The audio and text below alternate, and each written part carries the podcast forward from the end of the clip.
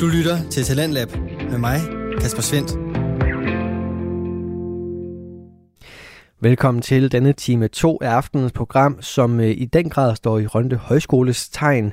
Jeg har nemlig fornøjelsen af at præsentere dig for hele fem episoder, og i denne time der står den på tre af slagsen. Den øh, første episode kommer fra Jeppe Holme Møller og Josefine Hartvig, som har lavet en produktion, der hedder Det du ikke ser. Det er tænkt som en serie, hvor i aftenens afsnit der går de to værter ned i vold i nattelivet, som øh, byder både på Jeppes egen historie med et overfald, og øh, så forholder Josefine politiet til øh, de her nye politiske initiativer, som altså skal være med til at bekæmpe vold i nattelivet. Det er en øh, produktion, der er lavet i samarbejde med Rønde Højskole, og den får du altså lige her.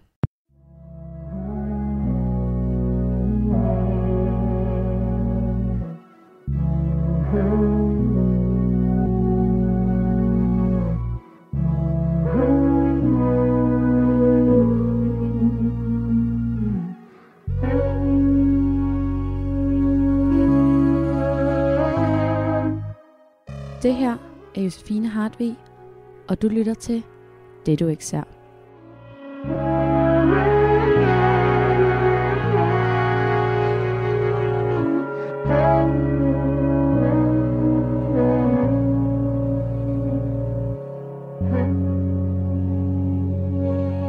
Hej, og velkommen til dig, Jeppe Holme Møller.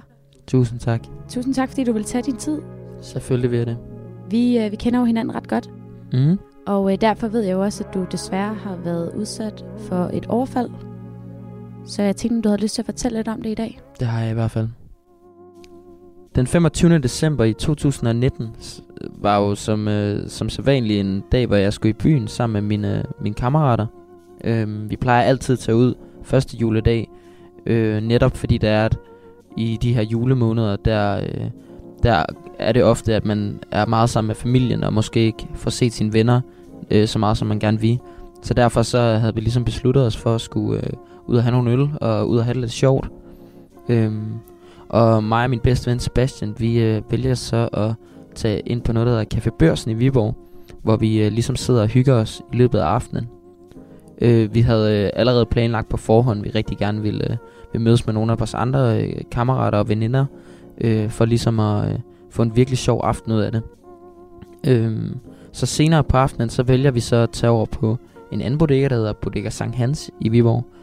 Og øh, der hygger vi os så til langt ud på natten med mine venner. Og det er sådan en af de her klassiske grå bodegaer, øh, hvor det er, at man altså bare sidder i en tågerøg, og at der er bare den her gode stemning af, af lidt øh, berusede mennesker og musik i baggrunden. Og det er altid en, øh, en, en god aften på Sankt Hans. Men vi øh, sidder der i, øh, i rigtig mange timer. Altså klokken når at blive fem, før Sebastian tager hjem, og mig og en veninde Freja, vi vælger at sige, at vi godt kunne tage et par timer mere. Og så øh, går klokken ind og bliver, jeg tror, syv, halv otte, og så øh, er Freja klar til at tage hjem. Jeg var der så ikke helt endnu, fordi at øh, på daværende tidspunkt havde jeg lidt en interesse for sætte mig op i baren til de lidt mere spøjse typer og få en øl med dem. Så jeg besluttede mig for, at jeg lige skulle have en aller sidste. Jeg får så øh, drukket den her øl, for snakke de snakke, jeg gerne vil. Og siger så derefter øh, pænt farvel til, øh, til den pågældende, jeg nu har siddet og snakket med. Og går så øh, hjem af mod mig selv. Da jeg så øh, kommer ud fra Sankt Hans, der, øh, der kommer jeg så gående i, øh, op, op af hvad er det, Sankt Hans Gade. Og drejer om hjørnet. Jeg har faktisk ikke så langt hjem derfra. Jeg tror måske kun, der er 500 meter eller sådan noget. Øh, men jeg når ikke meget længere end 100 meter, før at, øh, jeg øh, bliver ramt øh, af et slag, og alt bliver sort. Vi efterlader her Jeppes historie. For desværre er Jeppe ikke den eneste, der har oplevet vold i nattelivet. Statistikker viser nemlig en 71% stigning af anmeldte voldssager fra 2012 til 2019. Derfor har jeg taget kontakt til Erik Hyggelberg, som arbejder for Midt- og Vestjyllands politi. Her har jeg forholdt ham for tallene og det meget alvorlige procentvise stigning af almindelige voldssager de seneste syv år. Øhm, ja, altså det, det lyder voldsomt, vil jeg sige. At jeg ved, at øh, en, en, en, lille, en lille del af det, eller en, en del af det er skyldes nok, øh, nu siger jeg nok, for det er jo ikke noget, jeg, jeg lige har noget belæg for at sige, jeg ved ikke præcis, men, men, men der kom en anden anmeldelsespraksis fra, fra opholdssteder og, øh, og lignende, øh, også, også fra øh, plejehjem med demente og øh, psykiatrien og sådan noget. Øh, tidligere har de ikke på samme måde anmeldt hverken trusler eller vold, øh, men, men der blev en anden praksis for det, så, så, så man anmeldte de sager, det var der. Øh, så der har været et, et noget større mørketal før. Øh, så så det, det er en del af det. Øh, og, øh, altså, og hvorfor det lige er, som, som, som, som det er, øh, det, det har jeg ikke noget øh, kvalificeret bud på, vil jeg sige. Øh, det, det, det som, som vi ved har, altså, har en virkning i natlivet, det er jo, hvis der er øh, hvis der er øh, synlig politi, øh, og der er, nogle, øh, der er et godt samarbejde med restauratørerne, altså der er nogle ordentlige dørmænd og, og nogle gode restauratører, som er med på at, at prøve at, øh, at holde øh, et super natliv. Øh, det, det har en, en effekt på, øh, på sige, stemningen i byen, og generelt set også på, øh, på øh, uro og uorden, også på voldsager. Det, det, det ved man, det har. Ja, øhm, en undersøgelse viser jo faktisk, at øh, 82,6 procent af landets befolkning har, øh, har stor tillid til politiets arbejde. Har du, øh, har du samme vurdering fra dit synspunkt? Ja, altså nu, ja, altså man kan sige, øh, øh, hvis vi skal sammenligne dansk politi med, med, med politiet i andre dele af verden, så, så har vi jo rigtig øh, godt og troværdigt politi, og der er ikke nogen øh, øh, korruption eller nogen straffesager, der, der nogle gange øh, er noget lang øh, sagsbehandlingstid på, fordi at, øh, at, at der mangler ressourcer til at, at, at gøre det hurtigere.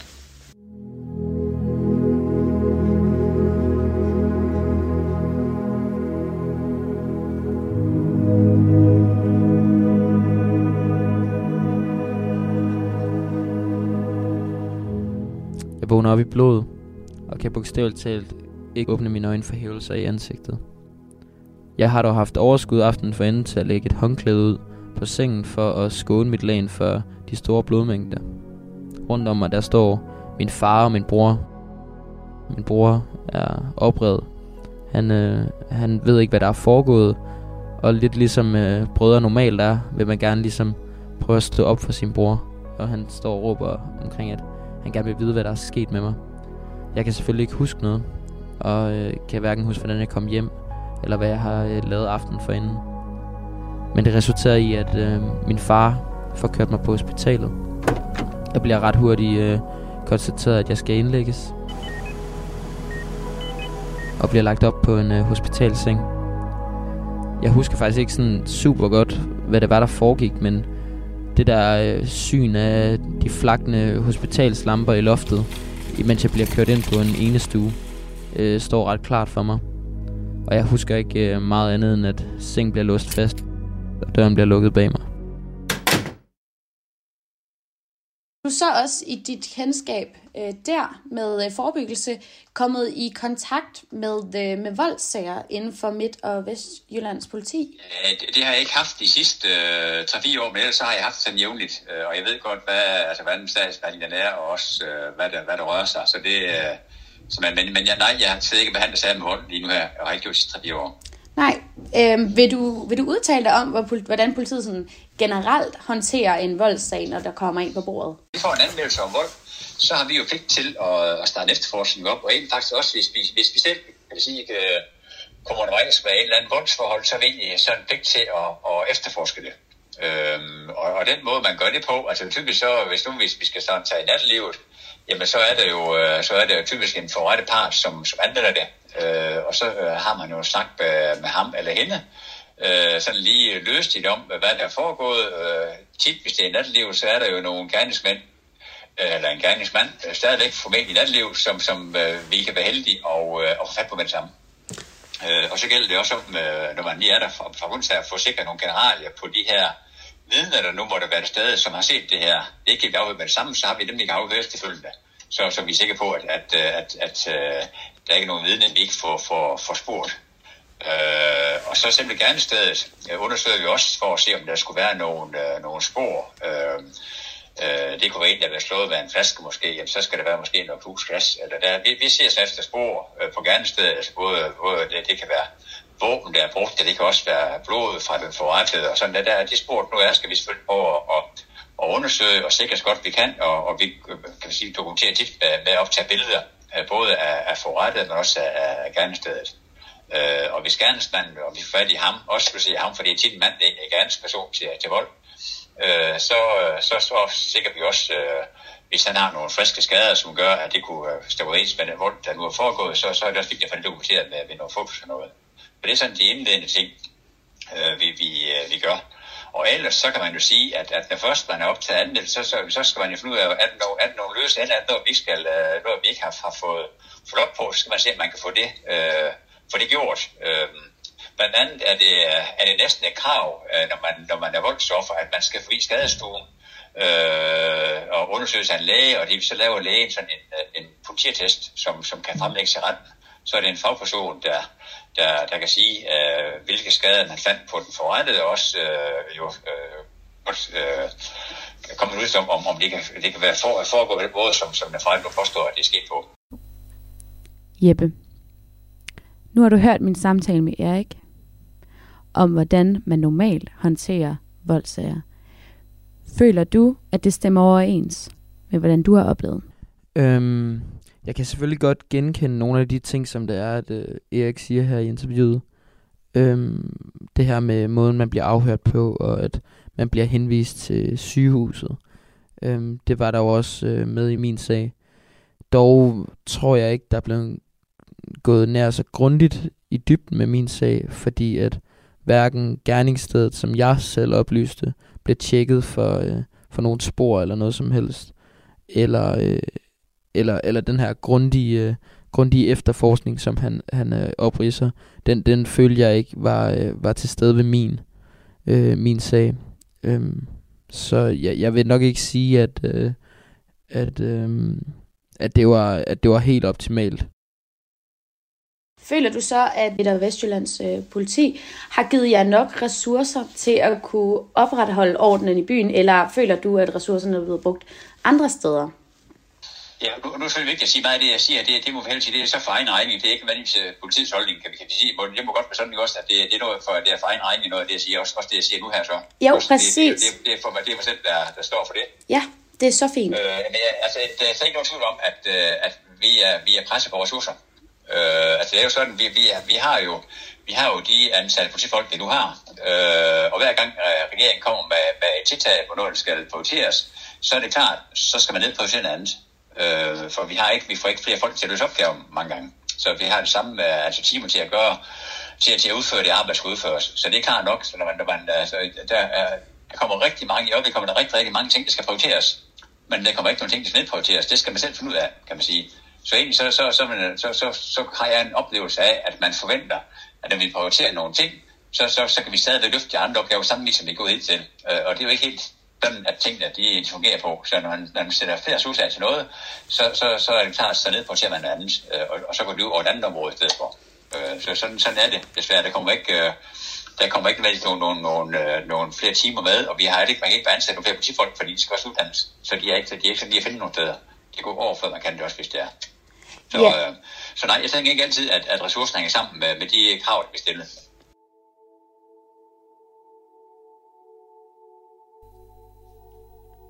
Regeringen har i 2021 kommet med et udspil og nogle initiativer, som skal gøre det offentlige rum og nattelivet mere trygt. Derved kan det forhåbentlig komme et fat i voldssager som Jeppes. Initiativerne går blandt andet ud på, at politiets arbejde skal kunne forhindre eventuelle uromager i at begå vold i nattelivet. Det har jeg derfor spurgt Erik Hyggelberg om, hvordan han tager stilling til det.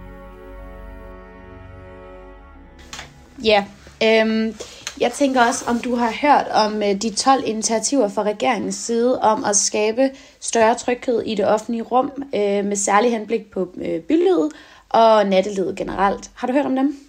Ja, det har jeg.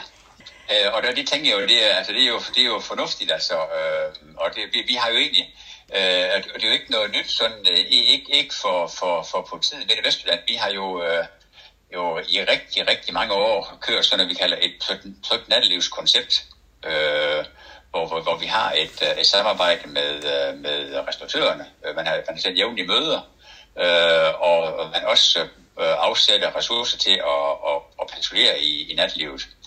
Øh, og man uddanner også øh, kan sige, alt personale på, øh, på de der værtsuddannelser med dansegulv, øh, sådan til at, at håndtere øh, konfliktsituationer og også øh, uddanne lidt i tanke på, hvad, hvad, hvad, hvad folk kunne påvirke osv. osv.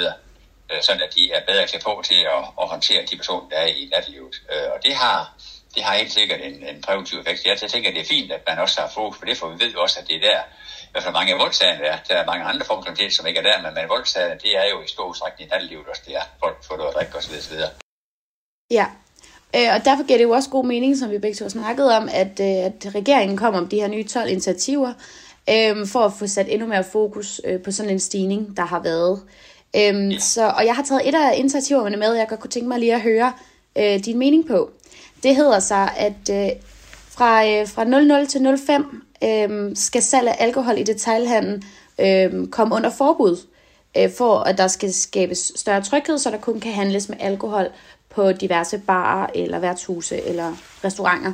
Øhm, tror du, at det vil skabe større tryghed ved, at vi får sådan et forbud? Øhm, altså, der er ikke nogen tvivl om, at, at, at jo mere påvirket øh, at, at vi, altså, øh, hvad siger, i personen er, der, der, der færdes i byen, er garanteret er, altså jo, jo, øhm, jo mere uforudsigeligt er det også mange af den, der, de handlinger, man, man foretager, øh, og det skal utryghed.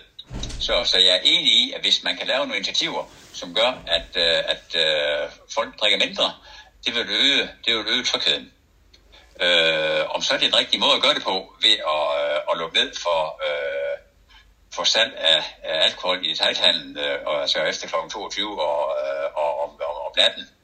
Øh, det ved jeg ikke. Jeg, jeg, der er selvfølgelig nogen, øh, som, som, øh, som, øh, som, som benytter sig af at gå ind handle, men jeg tænker egentlig, at, øh, øh, at, at, at, at, at rigtig mange af dem, som, som, øh, som færdig til byen, jamen de har, de har holdt nogle forfester, når siden de kom dertil, øh, og jeg tror, de har købt det, de skulle, inden, inden at de, de kom i byen. Så, så det rammer nogen, men jeg tænker ikke, at det har et kæmpe stor effekt sådan lige, og det er min personlige sådan, øh, øh, fornemmelse af det.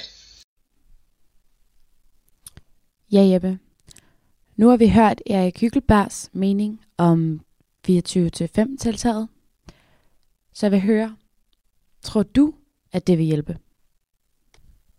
Øhm, det tror jeg faktisk på ingen måde, det vil. Altså, øhm, det der er med det, det er, at unge mennesker, som lad os sige, ikke kan komme ind på visse bar, eller øh, på en eller anden måde ikke har råd til at købe alkohol ind på baren, de vælger bare at købe deres alkohol og gemme det i en busk eller et eller andet ude for øh, de beværtninger, de besøger.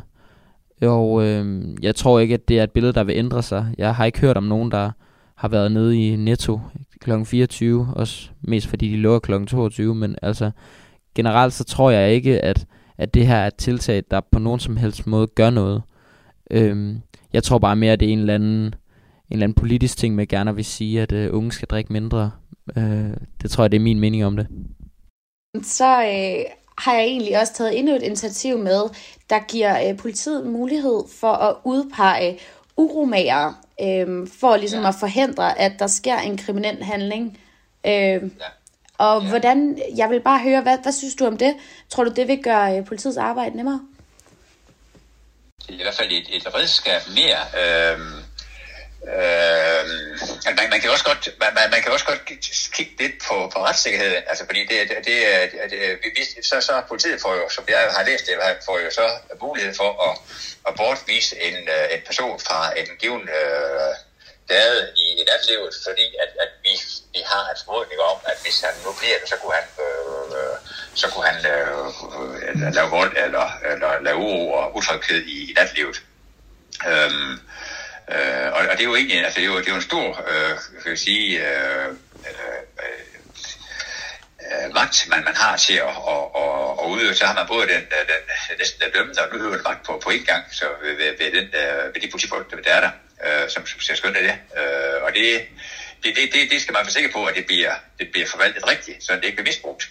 Øh, men, men altså, det er ikke for, at hvis, hvis, man, hvis øh, vi har nogle kendte øh, person i natlivet, som vi ved, hver gang de er der, så er der bøvl med den, og der er tuml og buml og uro og vold osv. Øh, så, så, så kan det være fint nok, synes jeg, hvis man kunne give dem en karantæne. Altså, i, og det kan man jo også, det kan man i forvejen jo.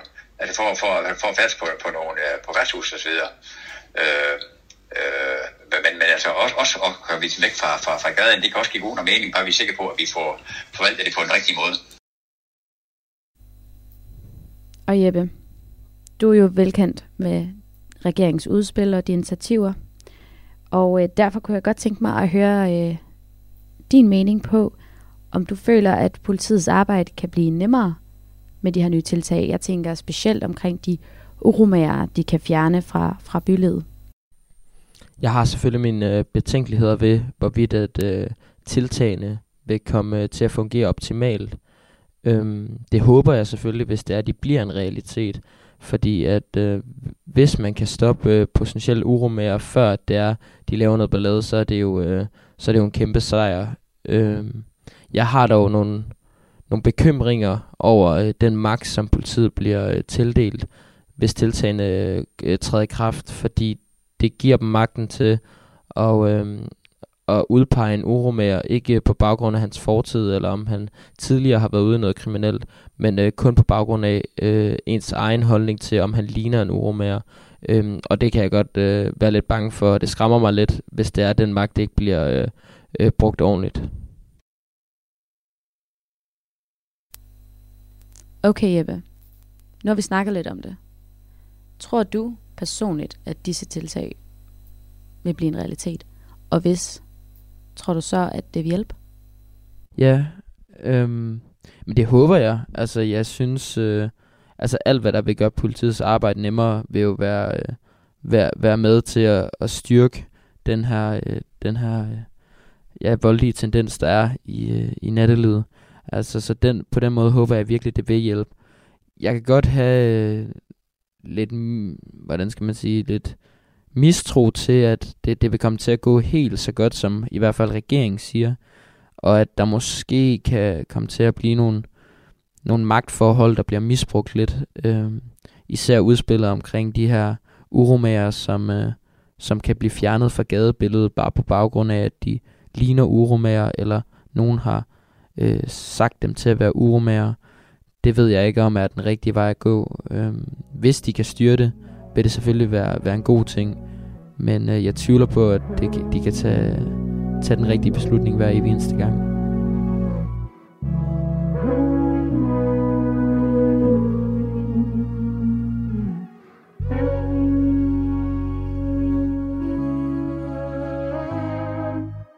Som afslutning vil jeg gerne takke de medvirkende, Jeppe Holme Møller og Erik Hyggelberg. Jeg vil til slut påpege, at Erik Hyggelberg udtaler sig som privatperson, og derfor ikke på vegne af Midt- og Vestjyllands politi. Dette var alt det, du ikke ser. Mit navn er Josefine Hartvig.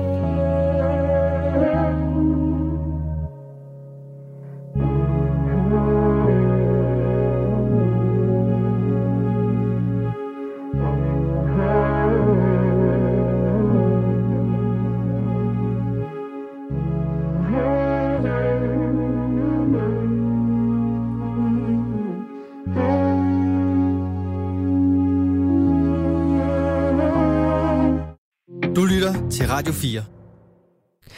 Det var Jeppe Holme Mølle og Josefine Hartvig, som gav os denne times første afsnit fra Ronde Højskole, og den hedder altså Det, du ikke ser.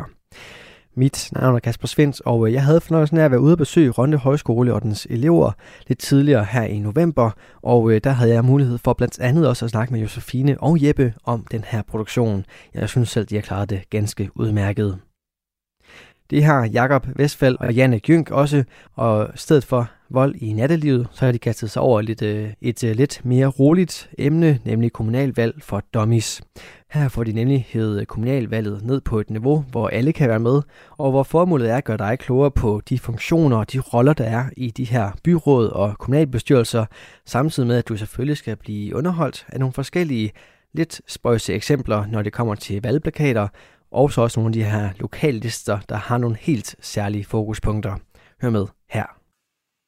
Du lytter til podcasten Kommunalvalg for Dummies med Jakob Vestfald og Jannik Jønk. øh, købmand, og så har jeg været ølmand. Og hvis jeg skulle have været noget andet, så skulle det være borgmester, for de laver ikke en skid. Ja, for mange kan borgmestre og kommunalpolitik godt virke sådan her, som vi hørte i klippet. Og for mange, nok specielt unge, virke kedeligt og mega uoverskueligt. Ja, det gjorde det også for os. Og det gjorde det virkelig, og man kunne, kan godt føle, at det ikke rigtig er relevant for en. Og det er måske fordi ungdommen ikke er repræsenteret i byrådene, eller unge stemme oftest overhøres i kommunale sammenhæng. Ja, og derfor er der jo mange unge, der bare tager en kandidattest, øh, og så stemmer de på den, de er mest enige med, eller også er der et parti eller en lokalliste, der er mest repræsenteret i deres top 10, hvor de så sætter krydset ud for listen.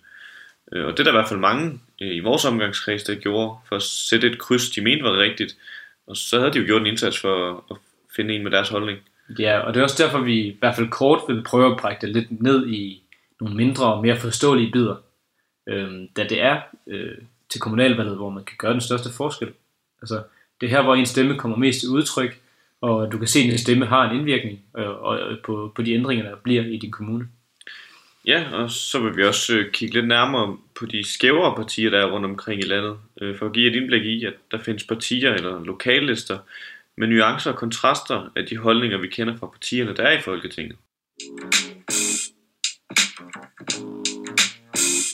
Helt konkret fungerer kommunalvalget sådan, at personer, der er fyldt 18 og har en fast bopæl i en dansk kommune, ja, de kan stemme hver fjerde år, når der udskrives valg.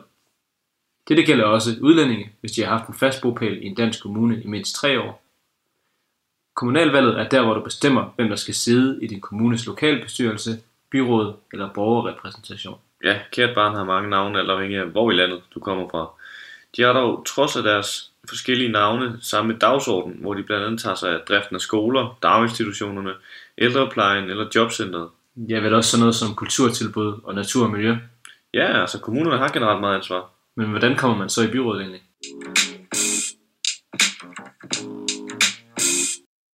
En vej ind i byrådet kan være den mere humoristiske approach, hvor mange vælger at lave mere alternative valgkampagner for at komme ind. De laver sjove plakater, slogans og endda en sang, der gør, at borgerne i kommunerne husker dem. Ja, vi har begge taget to eksempler med, som alle er blevet stemt ind i hver deres byråd. Måske er du selv faldet over dem på Anders Hemmingsens Instagram. Der er Michael Sur fra de konservative i Holbæk, som er et godt eksempel på en kreativ valgplakat. Han har nemlig prydet sin ellers kedelige og uoriginale plakat med ordene frækkere end partiet tillader.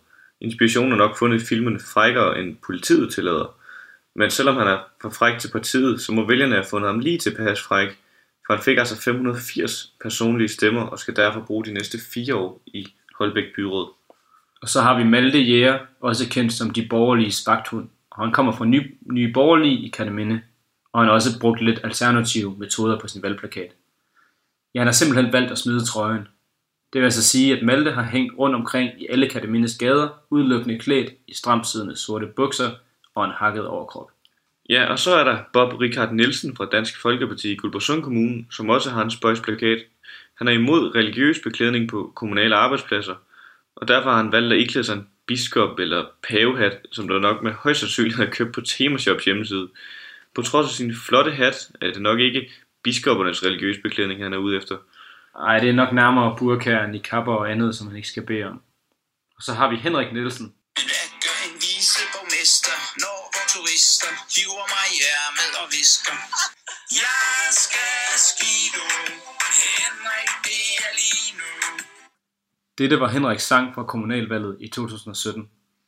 Han kommer fra de konservative i Svendborg, og for anden gang i træk har han produceret et lyrisk mesterværk ved et kommunalvalg. Dog kan vi desværre ikke spille den nyeste version, da den er blevet taget ned på grund af copyright. Man fik i hvert fald lige underkanten af 1100 personlige stemmer, så der skulle gerne være fire år mere med gode toiletforhold på havnen i Svendborg. Noget andet er så, når man er kommet ind, og man så kan få gennemført sine mærkesager, da det kan være svært at skabe et flertal bag sig. Men man er sikret en plads ved bordet og en fin hyre for at sidde og kæmpe for at komme igennem med sine mærkesager. Ja, det er ikke noget med, at man får sådan 100.000. Jo, altså for eksempel i Kataminde Byråd får et medlem et grundvederlag på lidt over 97.000 kroner årligt, svarende til ca. 8.100 kroner om måneden, som Malte Jæger altså kan se frem til umiddelbart, fordi han har charmeret sig ind hos vælgerne. Hvis man så er med i nogle udvalg, får man et vederlag oveni, og hvis man er formand for dem, så får man et endnu højere vederlag oveni.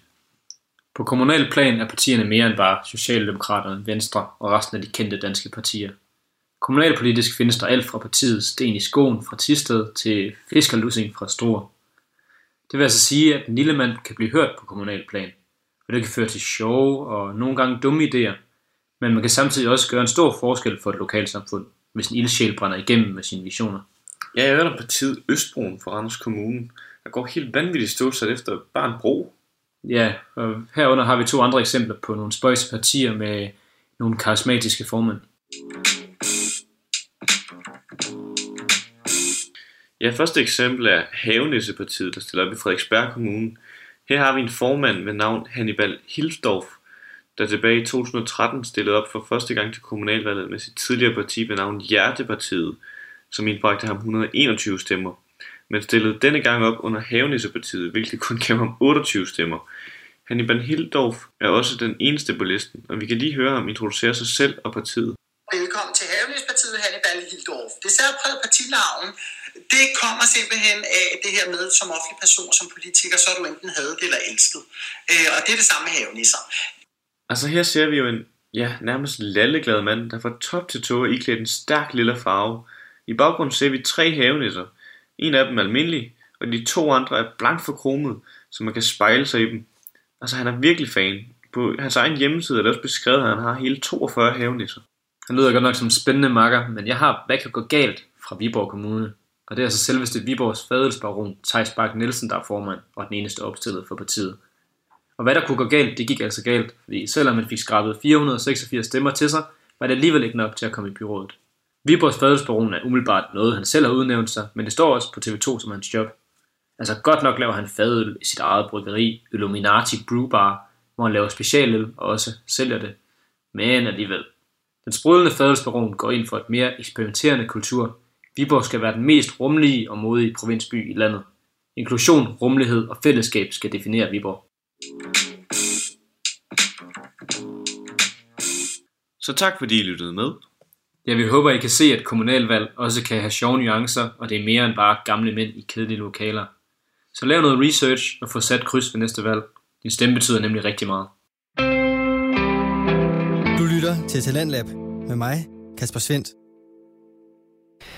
Det var aftenens fjerde afsnit fra Rønde Højskole. Her var det Jakob Vestfald og Jannik Jynk, som øh, producerede et øh, afsnit omkring kommunalvalg for dummies.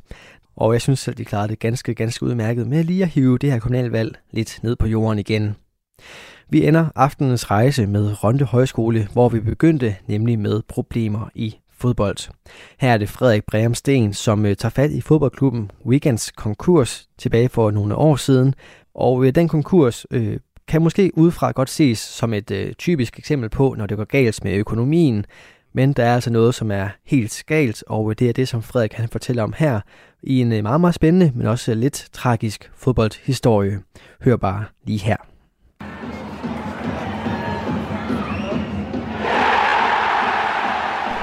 Det er den 30. juni 2020, og Wigan Athletic spiller mod Stoke City i den engelske championship. Kai Naismith har lige gjort det til 3-0 i det 68 minut, og fansen er helt ekstatiske. Nu ligner det for alvor, at klubben kommer til at blive i liga. Efter den her kæmpe sejr over Stoke City ligger klubben nu på en 14. plads. Og spillerne er i total ekstase. De begynder allerede nu at se frem mod næste sæson efter deres syv sejre i streg. De drømmer allerede nu om, hvordan det bliver at rykke op til Premier League. Men allerede dagen efter sker der noget, som ingen af dem havde forventet. Klubben går pludselig bankerot.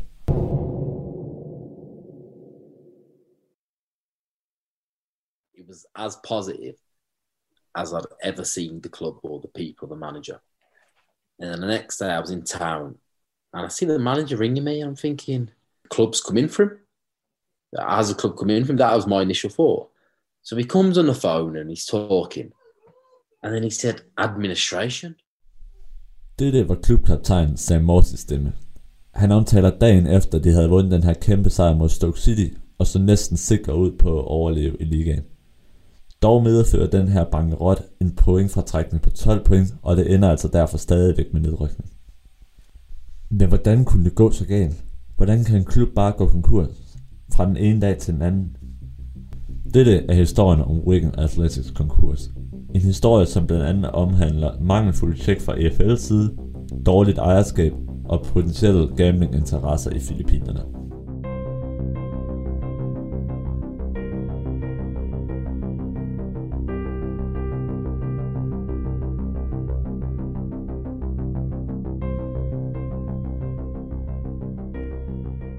Før vi går rigtig i gang med podcasten, er det vigtigt at lægge vægt på, at det her det er en sag, som der ikke er faldet dom i endnu. Der bliver stadig efterforsket i sagen, men da der ikke er dømt nogen endnu, vil det blot være rygter og spekulationer, som der bliver taget udgangspunkt i i den her podcast, når det kommer til potentielle gerningsmænd. Dog vil alle fakta og begivenheder, som der bliver nævnt i løbet af podcasten, være sande, og vi kan derfor danne os et godt billede af, hvem der i sidste ende har været skyld i denne konkurs.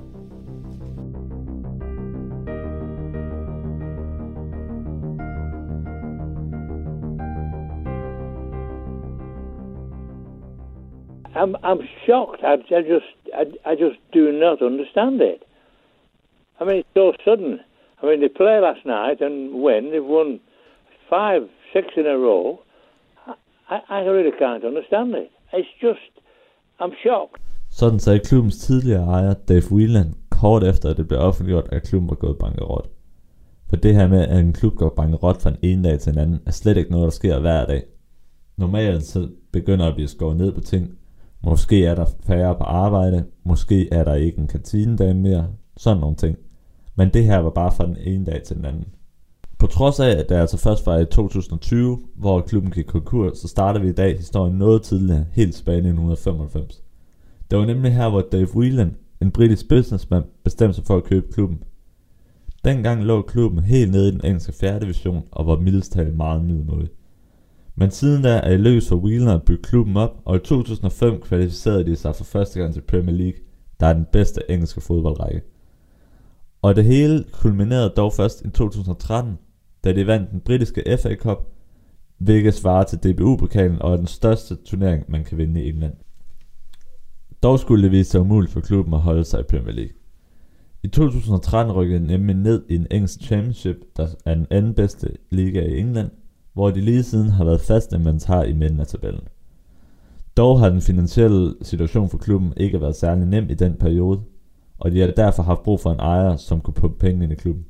Derfor bestemte Whelan sig for at sælge klubben, og i 2018 blev der endelig fundet en ny ejer. I sommeren 2018 overtog Stanley Choi, en Hong Kong-født businessman, klubben fra Dave Whelan. Stanley Choi er ejer af International Entertainment Corporation, som jeg i denne podcast blot vil kalde IEC, og har tjent mange penge på hasardspil. Han ejer blandt andet en stor casinokæde i Filippinerne, og derudover har han selv tjent mange penge på pokerbrugere verden over. Stanley Choi er altså selv mange millionær, og han blev derfor naturligvis godkendt som køber af Wigan Athletic. English Football League, også kendt som EFL, skal ved enhver overtagelse af en fodboldklub lave baggrundstjek på den potentielle køber – dette baggrundstjek indebærer blandt andet et tjek af straffatest, samt at de skal verificere, om køberen har de nødvendige penge til at købe den klub her. Og da Stanley Choi udfylder begge ting, så bliver den naturligvis solgt til ham. Denne overtagelse betalte Stanley Choi 15,9 millioner pund for, og det lignede på alle måder en god handel for alle parter. Spillerne var glade at kunne kigge op mod Premier League igen, og klubejerne var glade for, at nu kunne klubben endelig overleve med de penge, som Stanley Choi bragte ind i klubben. I hans første sæson endte Wigan på en 18. plads med 12 point ned til nedrykningsstregen. Der var derfor en meget, meget sikker overlevelse, og intet tyde på, at det ikke også ville blive sådan i den kommende sæson. Og på trods af en dårlig start til 1920-sæsonen, blev der hurtigt vendt op og ned på det. Og dermed er vi tilbage ved den 30. juni 2020, dagen hvor Wigan lige har slået Stoke lige før at klubben pludselig går konkurs fra den ene dag til den anden. Men hvad var det egentlig, som gik galt? Altså, en fodboldklub kan jo ikke bare gå konkurs fra den ene dag til den anden. Der må have været fundet et eller andet sted. De spørgsmål har mange spurgt sig selv, og forklaringen kan måske findes i en beslutning, som Stanley Turry tog i november 2019.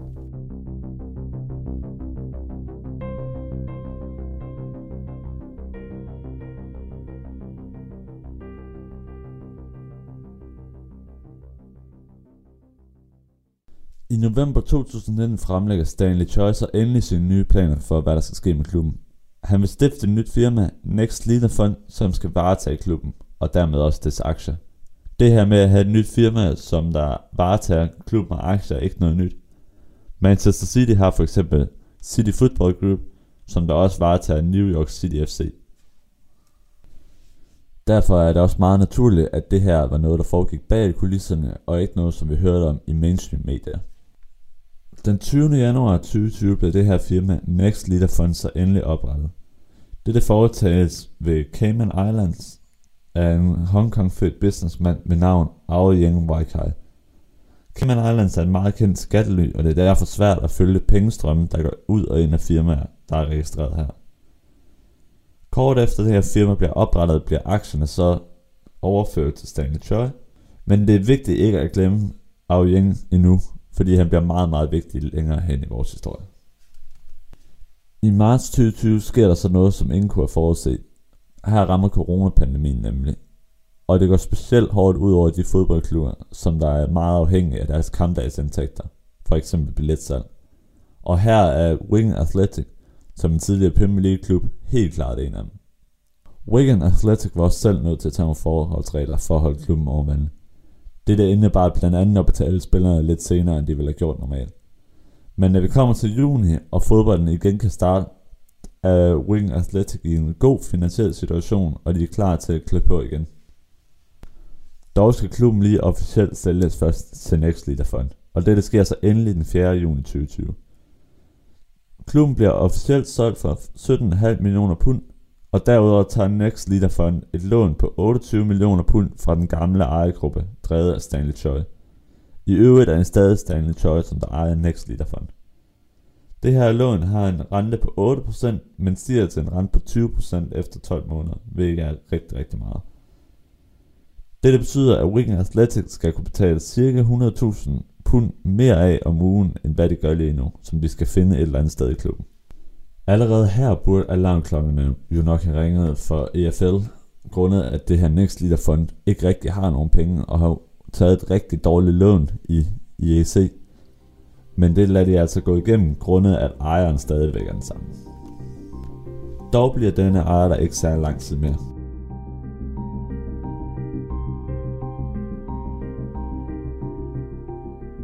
Den 24. juni 2020 får Next Leader Fund nemlig deres nye ejer. Dette er den Hong Kong fødte businessman Ao Ying, som i øvrigt også var ham, der oprettede firmaet i sin tid. Officielt betaler han 20 millioner pund for Next Leader Fund, men det er altså ikke noget, som har kunne bevises grundet, at det er foregået på Cayman Islands, der er det her skattely. Her har EFL naturligvis også lavet baggrundstjek på ejeren. Men da det ikke er selve klubben, han overtager, men egentlig det firma, der ejer klubben, blev det meget hurtigt godkendt, grundet at han kunne vise, at han havde de penge, som det krævede for at drive klubben. Denne overtagelse er i bund og grund også allerede her lidt lyssky, fordi hvis vi bare laver en hurtig Google-søgning på den ejer her, finder vi hurtigt ud af, at der ikke kan findes ret meget om ham. Det eneste, som der dukker op, er en officiel frasigelse fra hans job, som han forlod i sommeren 2019, samt et bevis for, at han er gået bankerot i 2004. Altså er det ikke ligefrem noget, som der peger på, at han skulle være i stand til at drive en fodboldklub. Det der skal også meget hurtigt vise sig, at han faktisk ikke var i stand til at drive en fodboldklub. Og blot en uge efter, han har betalt mange millioner for den her fodboldklub, på den 1. juli 2020, når klubben officielt konkurs. Dette vil jo så normalt være vores end of story. Klubben er gået bankerot, og der skal findes nye ejer, og så er den ikke så meget længere end det. Men der var ligesom noget i den sag her, som der var på en måde, det ikke skulle være.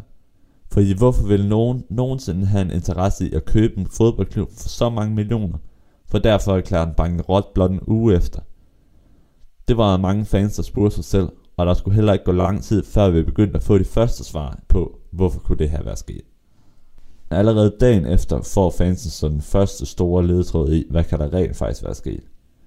Her lægges en video af EFL's øverste leder nemlig, og det er det lydklip, som jeg vil spille nu. It's there's all sorts of rumours. There's rumours that there's a bet in the Philippines and I'm being relegated because the previous owners uh, got gambling interests in the Philippines. Og det er her, hvor fans for alvor godt ved, at der er foregået noget, som der ikke burde have foregået. Fordi når EFL's øverste leder går ud og insinuerer, at der har foregået et stort odds på Wigan Athletic, en engelsk andendivisionsklub i Filippinerne, er der nok noget om det. Og der er hurtigt en connection, som der kan lave til en tidligere ejer af. Stanley Choi, den tidligere ejer, som solgte klubben for blot en uge siden, er nemlig til daglig bosat i Filippinerne, hvor han driver sin casinokæde. Og han har jo i øvrigt allerede tjent rigtig mange millioner på hans hazardspil som poker. Så hvorfor vil det ikke give mening for ham også odds?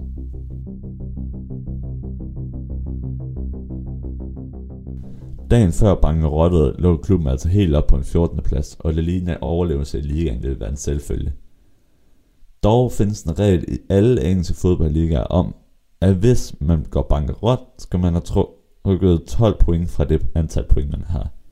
Dette medførte, at Wigan rykkede helt op fra en 14. plads ned på en 24. plads, og derfor var det lige pludselig vendt til, at det lignede en klar nedrykning i stedet. Og det stopper ikke her, fordi normalt vil klubejeren i tilfælde af bankerot naturligvis gå ud og sige undskyld, og offentligt gå ud og sige, at nu leder vi efter en ny klubejer, men her var Aoyang ingen steder at blive set. Og det kom også hurtigt frem, at han faktisk aldrig havde været i England, og i hvert fald ikke i nærheden af klubben. Alt det her papirarbejde havde foregået over mails, og ingen i klubben ved reelt, hvem den her ejer er.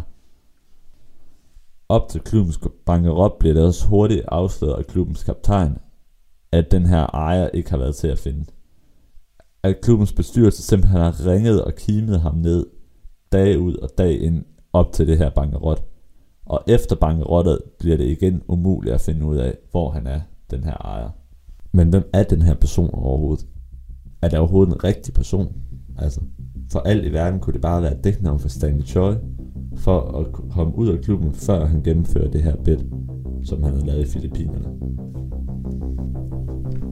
Den 5. juli 2020 starter Wigan Athletic så deres officielle undersøgelse ind i sagen.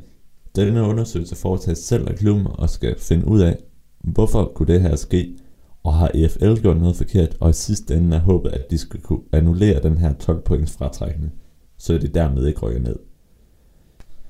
Dog viser det sig efter aller sidste spillerunde i Championship anno 2020, at det ikke har været muligt at få annulleret den her pointfratrækning. Wigan Athletic får trukket 12 point fra, og dermed er nedrykningen til League 1 realitet. I sidste ende ender klubben et point under nedrykningsstregen på en 22. plads.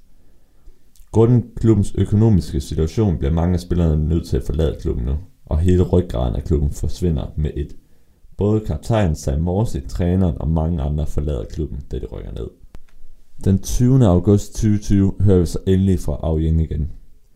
Han har besluttet sig for at forlade klubben endegyldigt og ikke tage nogen penge med fra klubben. Altså de aktier, han nogle gange har, bliver sat til salg for dem, der nu vil tage den gæld, som Wigan Athletic finder sig i.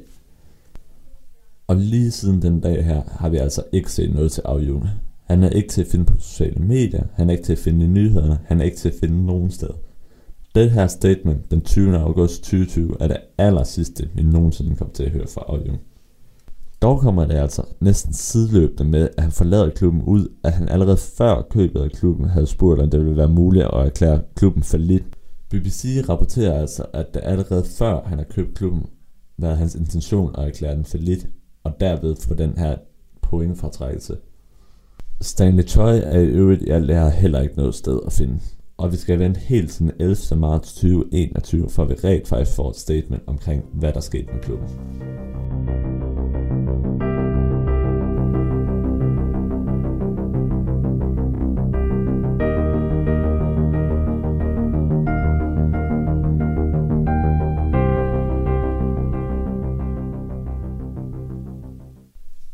Interviewet udtaler Stanley Choi, at han ikke var klar over, hvordan klubben skulle drives, og at det i sidste ende var en fejl, at han rent faktisk købte klubben.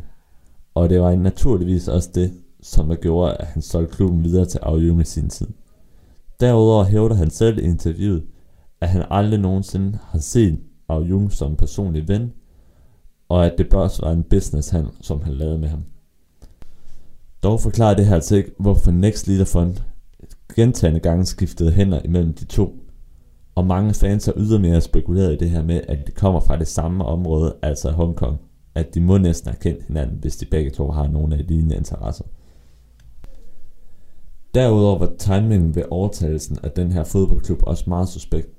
Det her med at overtage en fodboldklub lige i kølvandet på coronapandemien, hvilket gør, at der ikke er sikkert med indtægter til klubben, virkede helt bizart, og så sågar betalt mere end Stanley Choi gjorde for blot to år siden. Altså, fra et business perspektiv er det jo helt forrygt det her, og derfor er der også blevet rejst store spørgsmål mod EFL, og hvordan de har behandlet situationen. For hvordan kunne det nogensinde lykkes for Au Jung rent faktisk at overtage den fodboldklub her? Altså, vi snakker om en businessmand, som har knap nok beviser for hendes, og som der på ingen måde burde have de penge til at købe klubben. Hele årsagen til, at EFL i første gang bestemt sig for at acceptere og Jung, var jo selvfølgelig, at han kunne bevise, at han havde de penge, som det kræves for at drive en fodboldklub. Dog stammer de penge her selvfølgelig fra Next League Fund, og det her elendige lån, som de tog fra Stanley Choi i sin tid. Allerede her burde alarmklokkerne selvfølgelig have ringet for EFL, fordi at det her lån var der jo på ingen måde nogen chance for, at Wigan Athletic nogensinde skulle kunne betale tilbage i tide. Dog var det jo i realiteten ikke Wigan Athletic selv, der besolgt, men blot firmaet bagved, og det krævede derfor ikke lige så store tjek fra EFL's side for at godkende Au Jung som den nye ejer. Det er også noget af det, der har skabt store frustrationer for fansene, fordi hvordan kunne EFL nogensinde komme på den tanke at lade Au Jung overtage klubben, på trods af, at der ikke findes noget som helst om, hvordan han driver det business, og hvordan han tjener sine penge, og helt generelt om, hvem han overhovedet er. Dette har EFL dog aldrig været ude at adressere offentligt, og selv den dag i dag er det kun spekulationer, som vi kan regne på. Og det er ikke sikkert, at det nogensinde er andre end dem, som der rent faktisk selv havde en andel af den handel her, der kommer til at finde ud af, hvad der rent faktisk skete. Men hvad kan vi så rent faktisk konkludere på baggrund af den sag her? Sandheden er nok i virkeligheden, at vi faktisk ikke kan konkludere ret meget. Vi kan spekulere så meget, som vi overhovedet har lyst til, og høre så mange rygter som muligt, men så længe der ikke er faldet dom i den sag her, kan vi ikke være helt sikre på, hvad der rent faktisk er foregået. Og apropos en dom i sagen, er det jo overhovedet ikke sikkert, at der overhovedet kommer til at falde en dom i den sag her. Aoyang virker allerede nu til at være over alle bjerge, og Stanley Choi er allerede langt videre med nye business eventyr. Derudover er næsten alle de her transaktioner foregået på Cayman Islands. Der var det her skattely, hvor det er næsten umuligt at få fat i de transaktioner, som der nu engang har foregået imellem de to businesspartnere. På trods af det er der stadig kommet nogle ting ud af det, som specielt EFL vil være nødt til at reagere på i fremtiden. Det her med, at en helt ukendt businessmand, som vi stadig ikke har nogen beviser om, rent faktisk findes, kan komme ind og købe en helt fodboldklub, bare som så, er noget, som der ikke kan ske igen. Og her var det Wigan Athletics, som endte med at blive det offer, der skulle til for at forandre det her. Men på trods af, at vi alligevel har fået en lille smule positivt ud af det her, er det ingenting i forhold til alt det, som Wigan Athletic har mistet på grund af det her bankerot. For på trods af, at vi har fået nogle få svar i forhold til, hvad der rent faktisk gik galt, er der så meget mere, som vi nok aldrig får lov til at høre. Som klubbens kaptajn, Sam Morse siger, For some reason, we went into admin, which, you know, the truth is we'll probably never know why.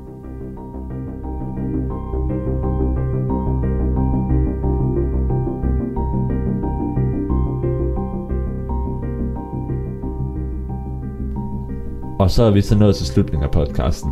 Jeg har været jeres vært, Frederik Bremsten. Tusind tak for, at I gad høre med i dag.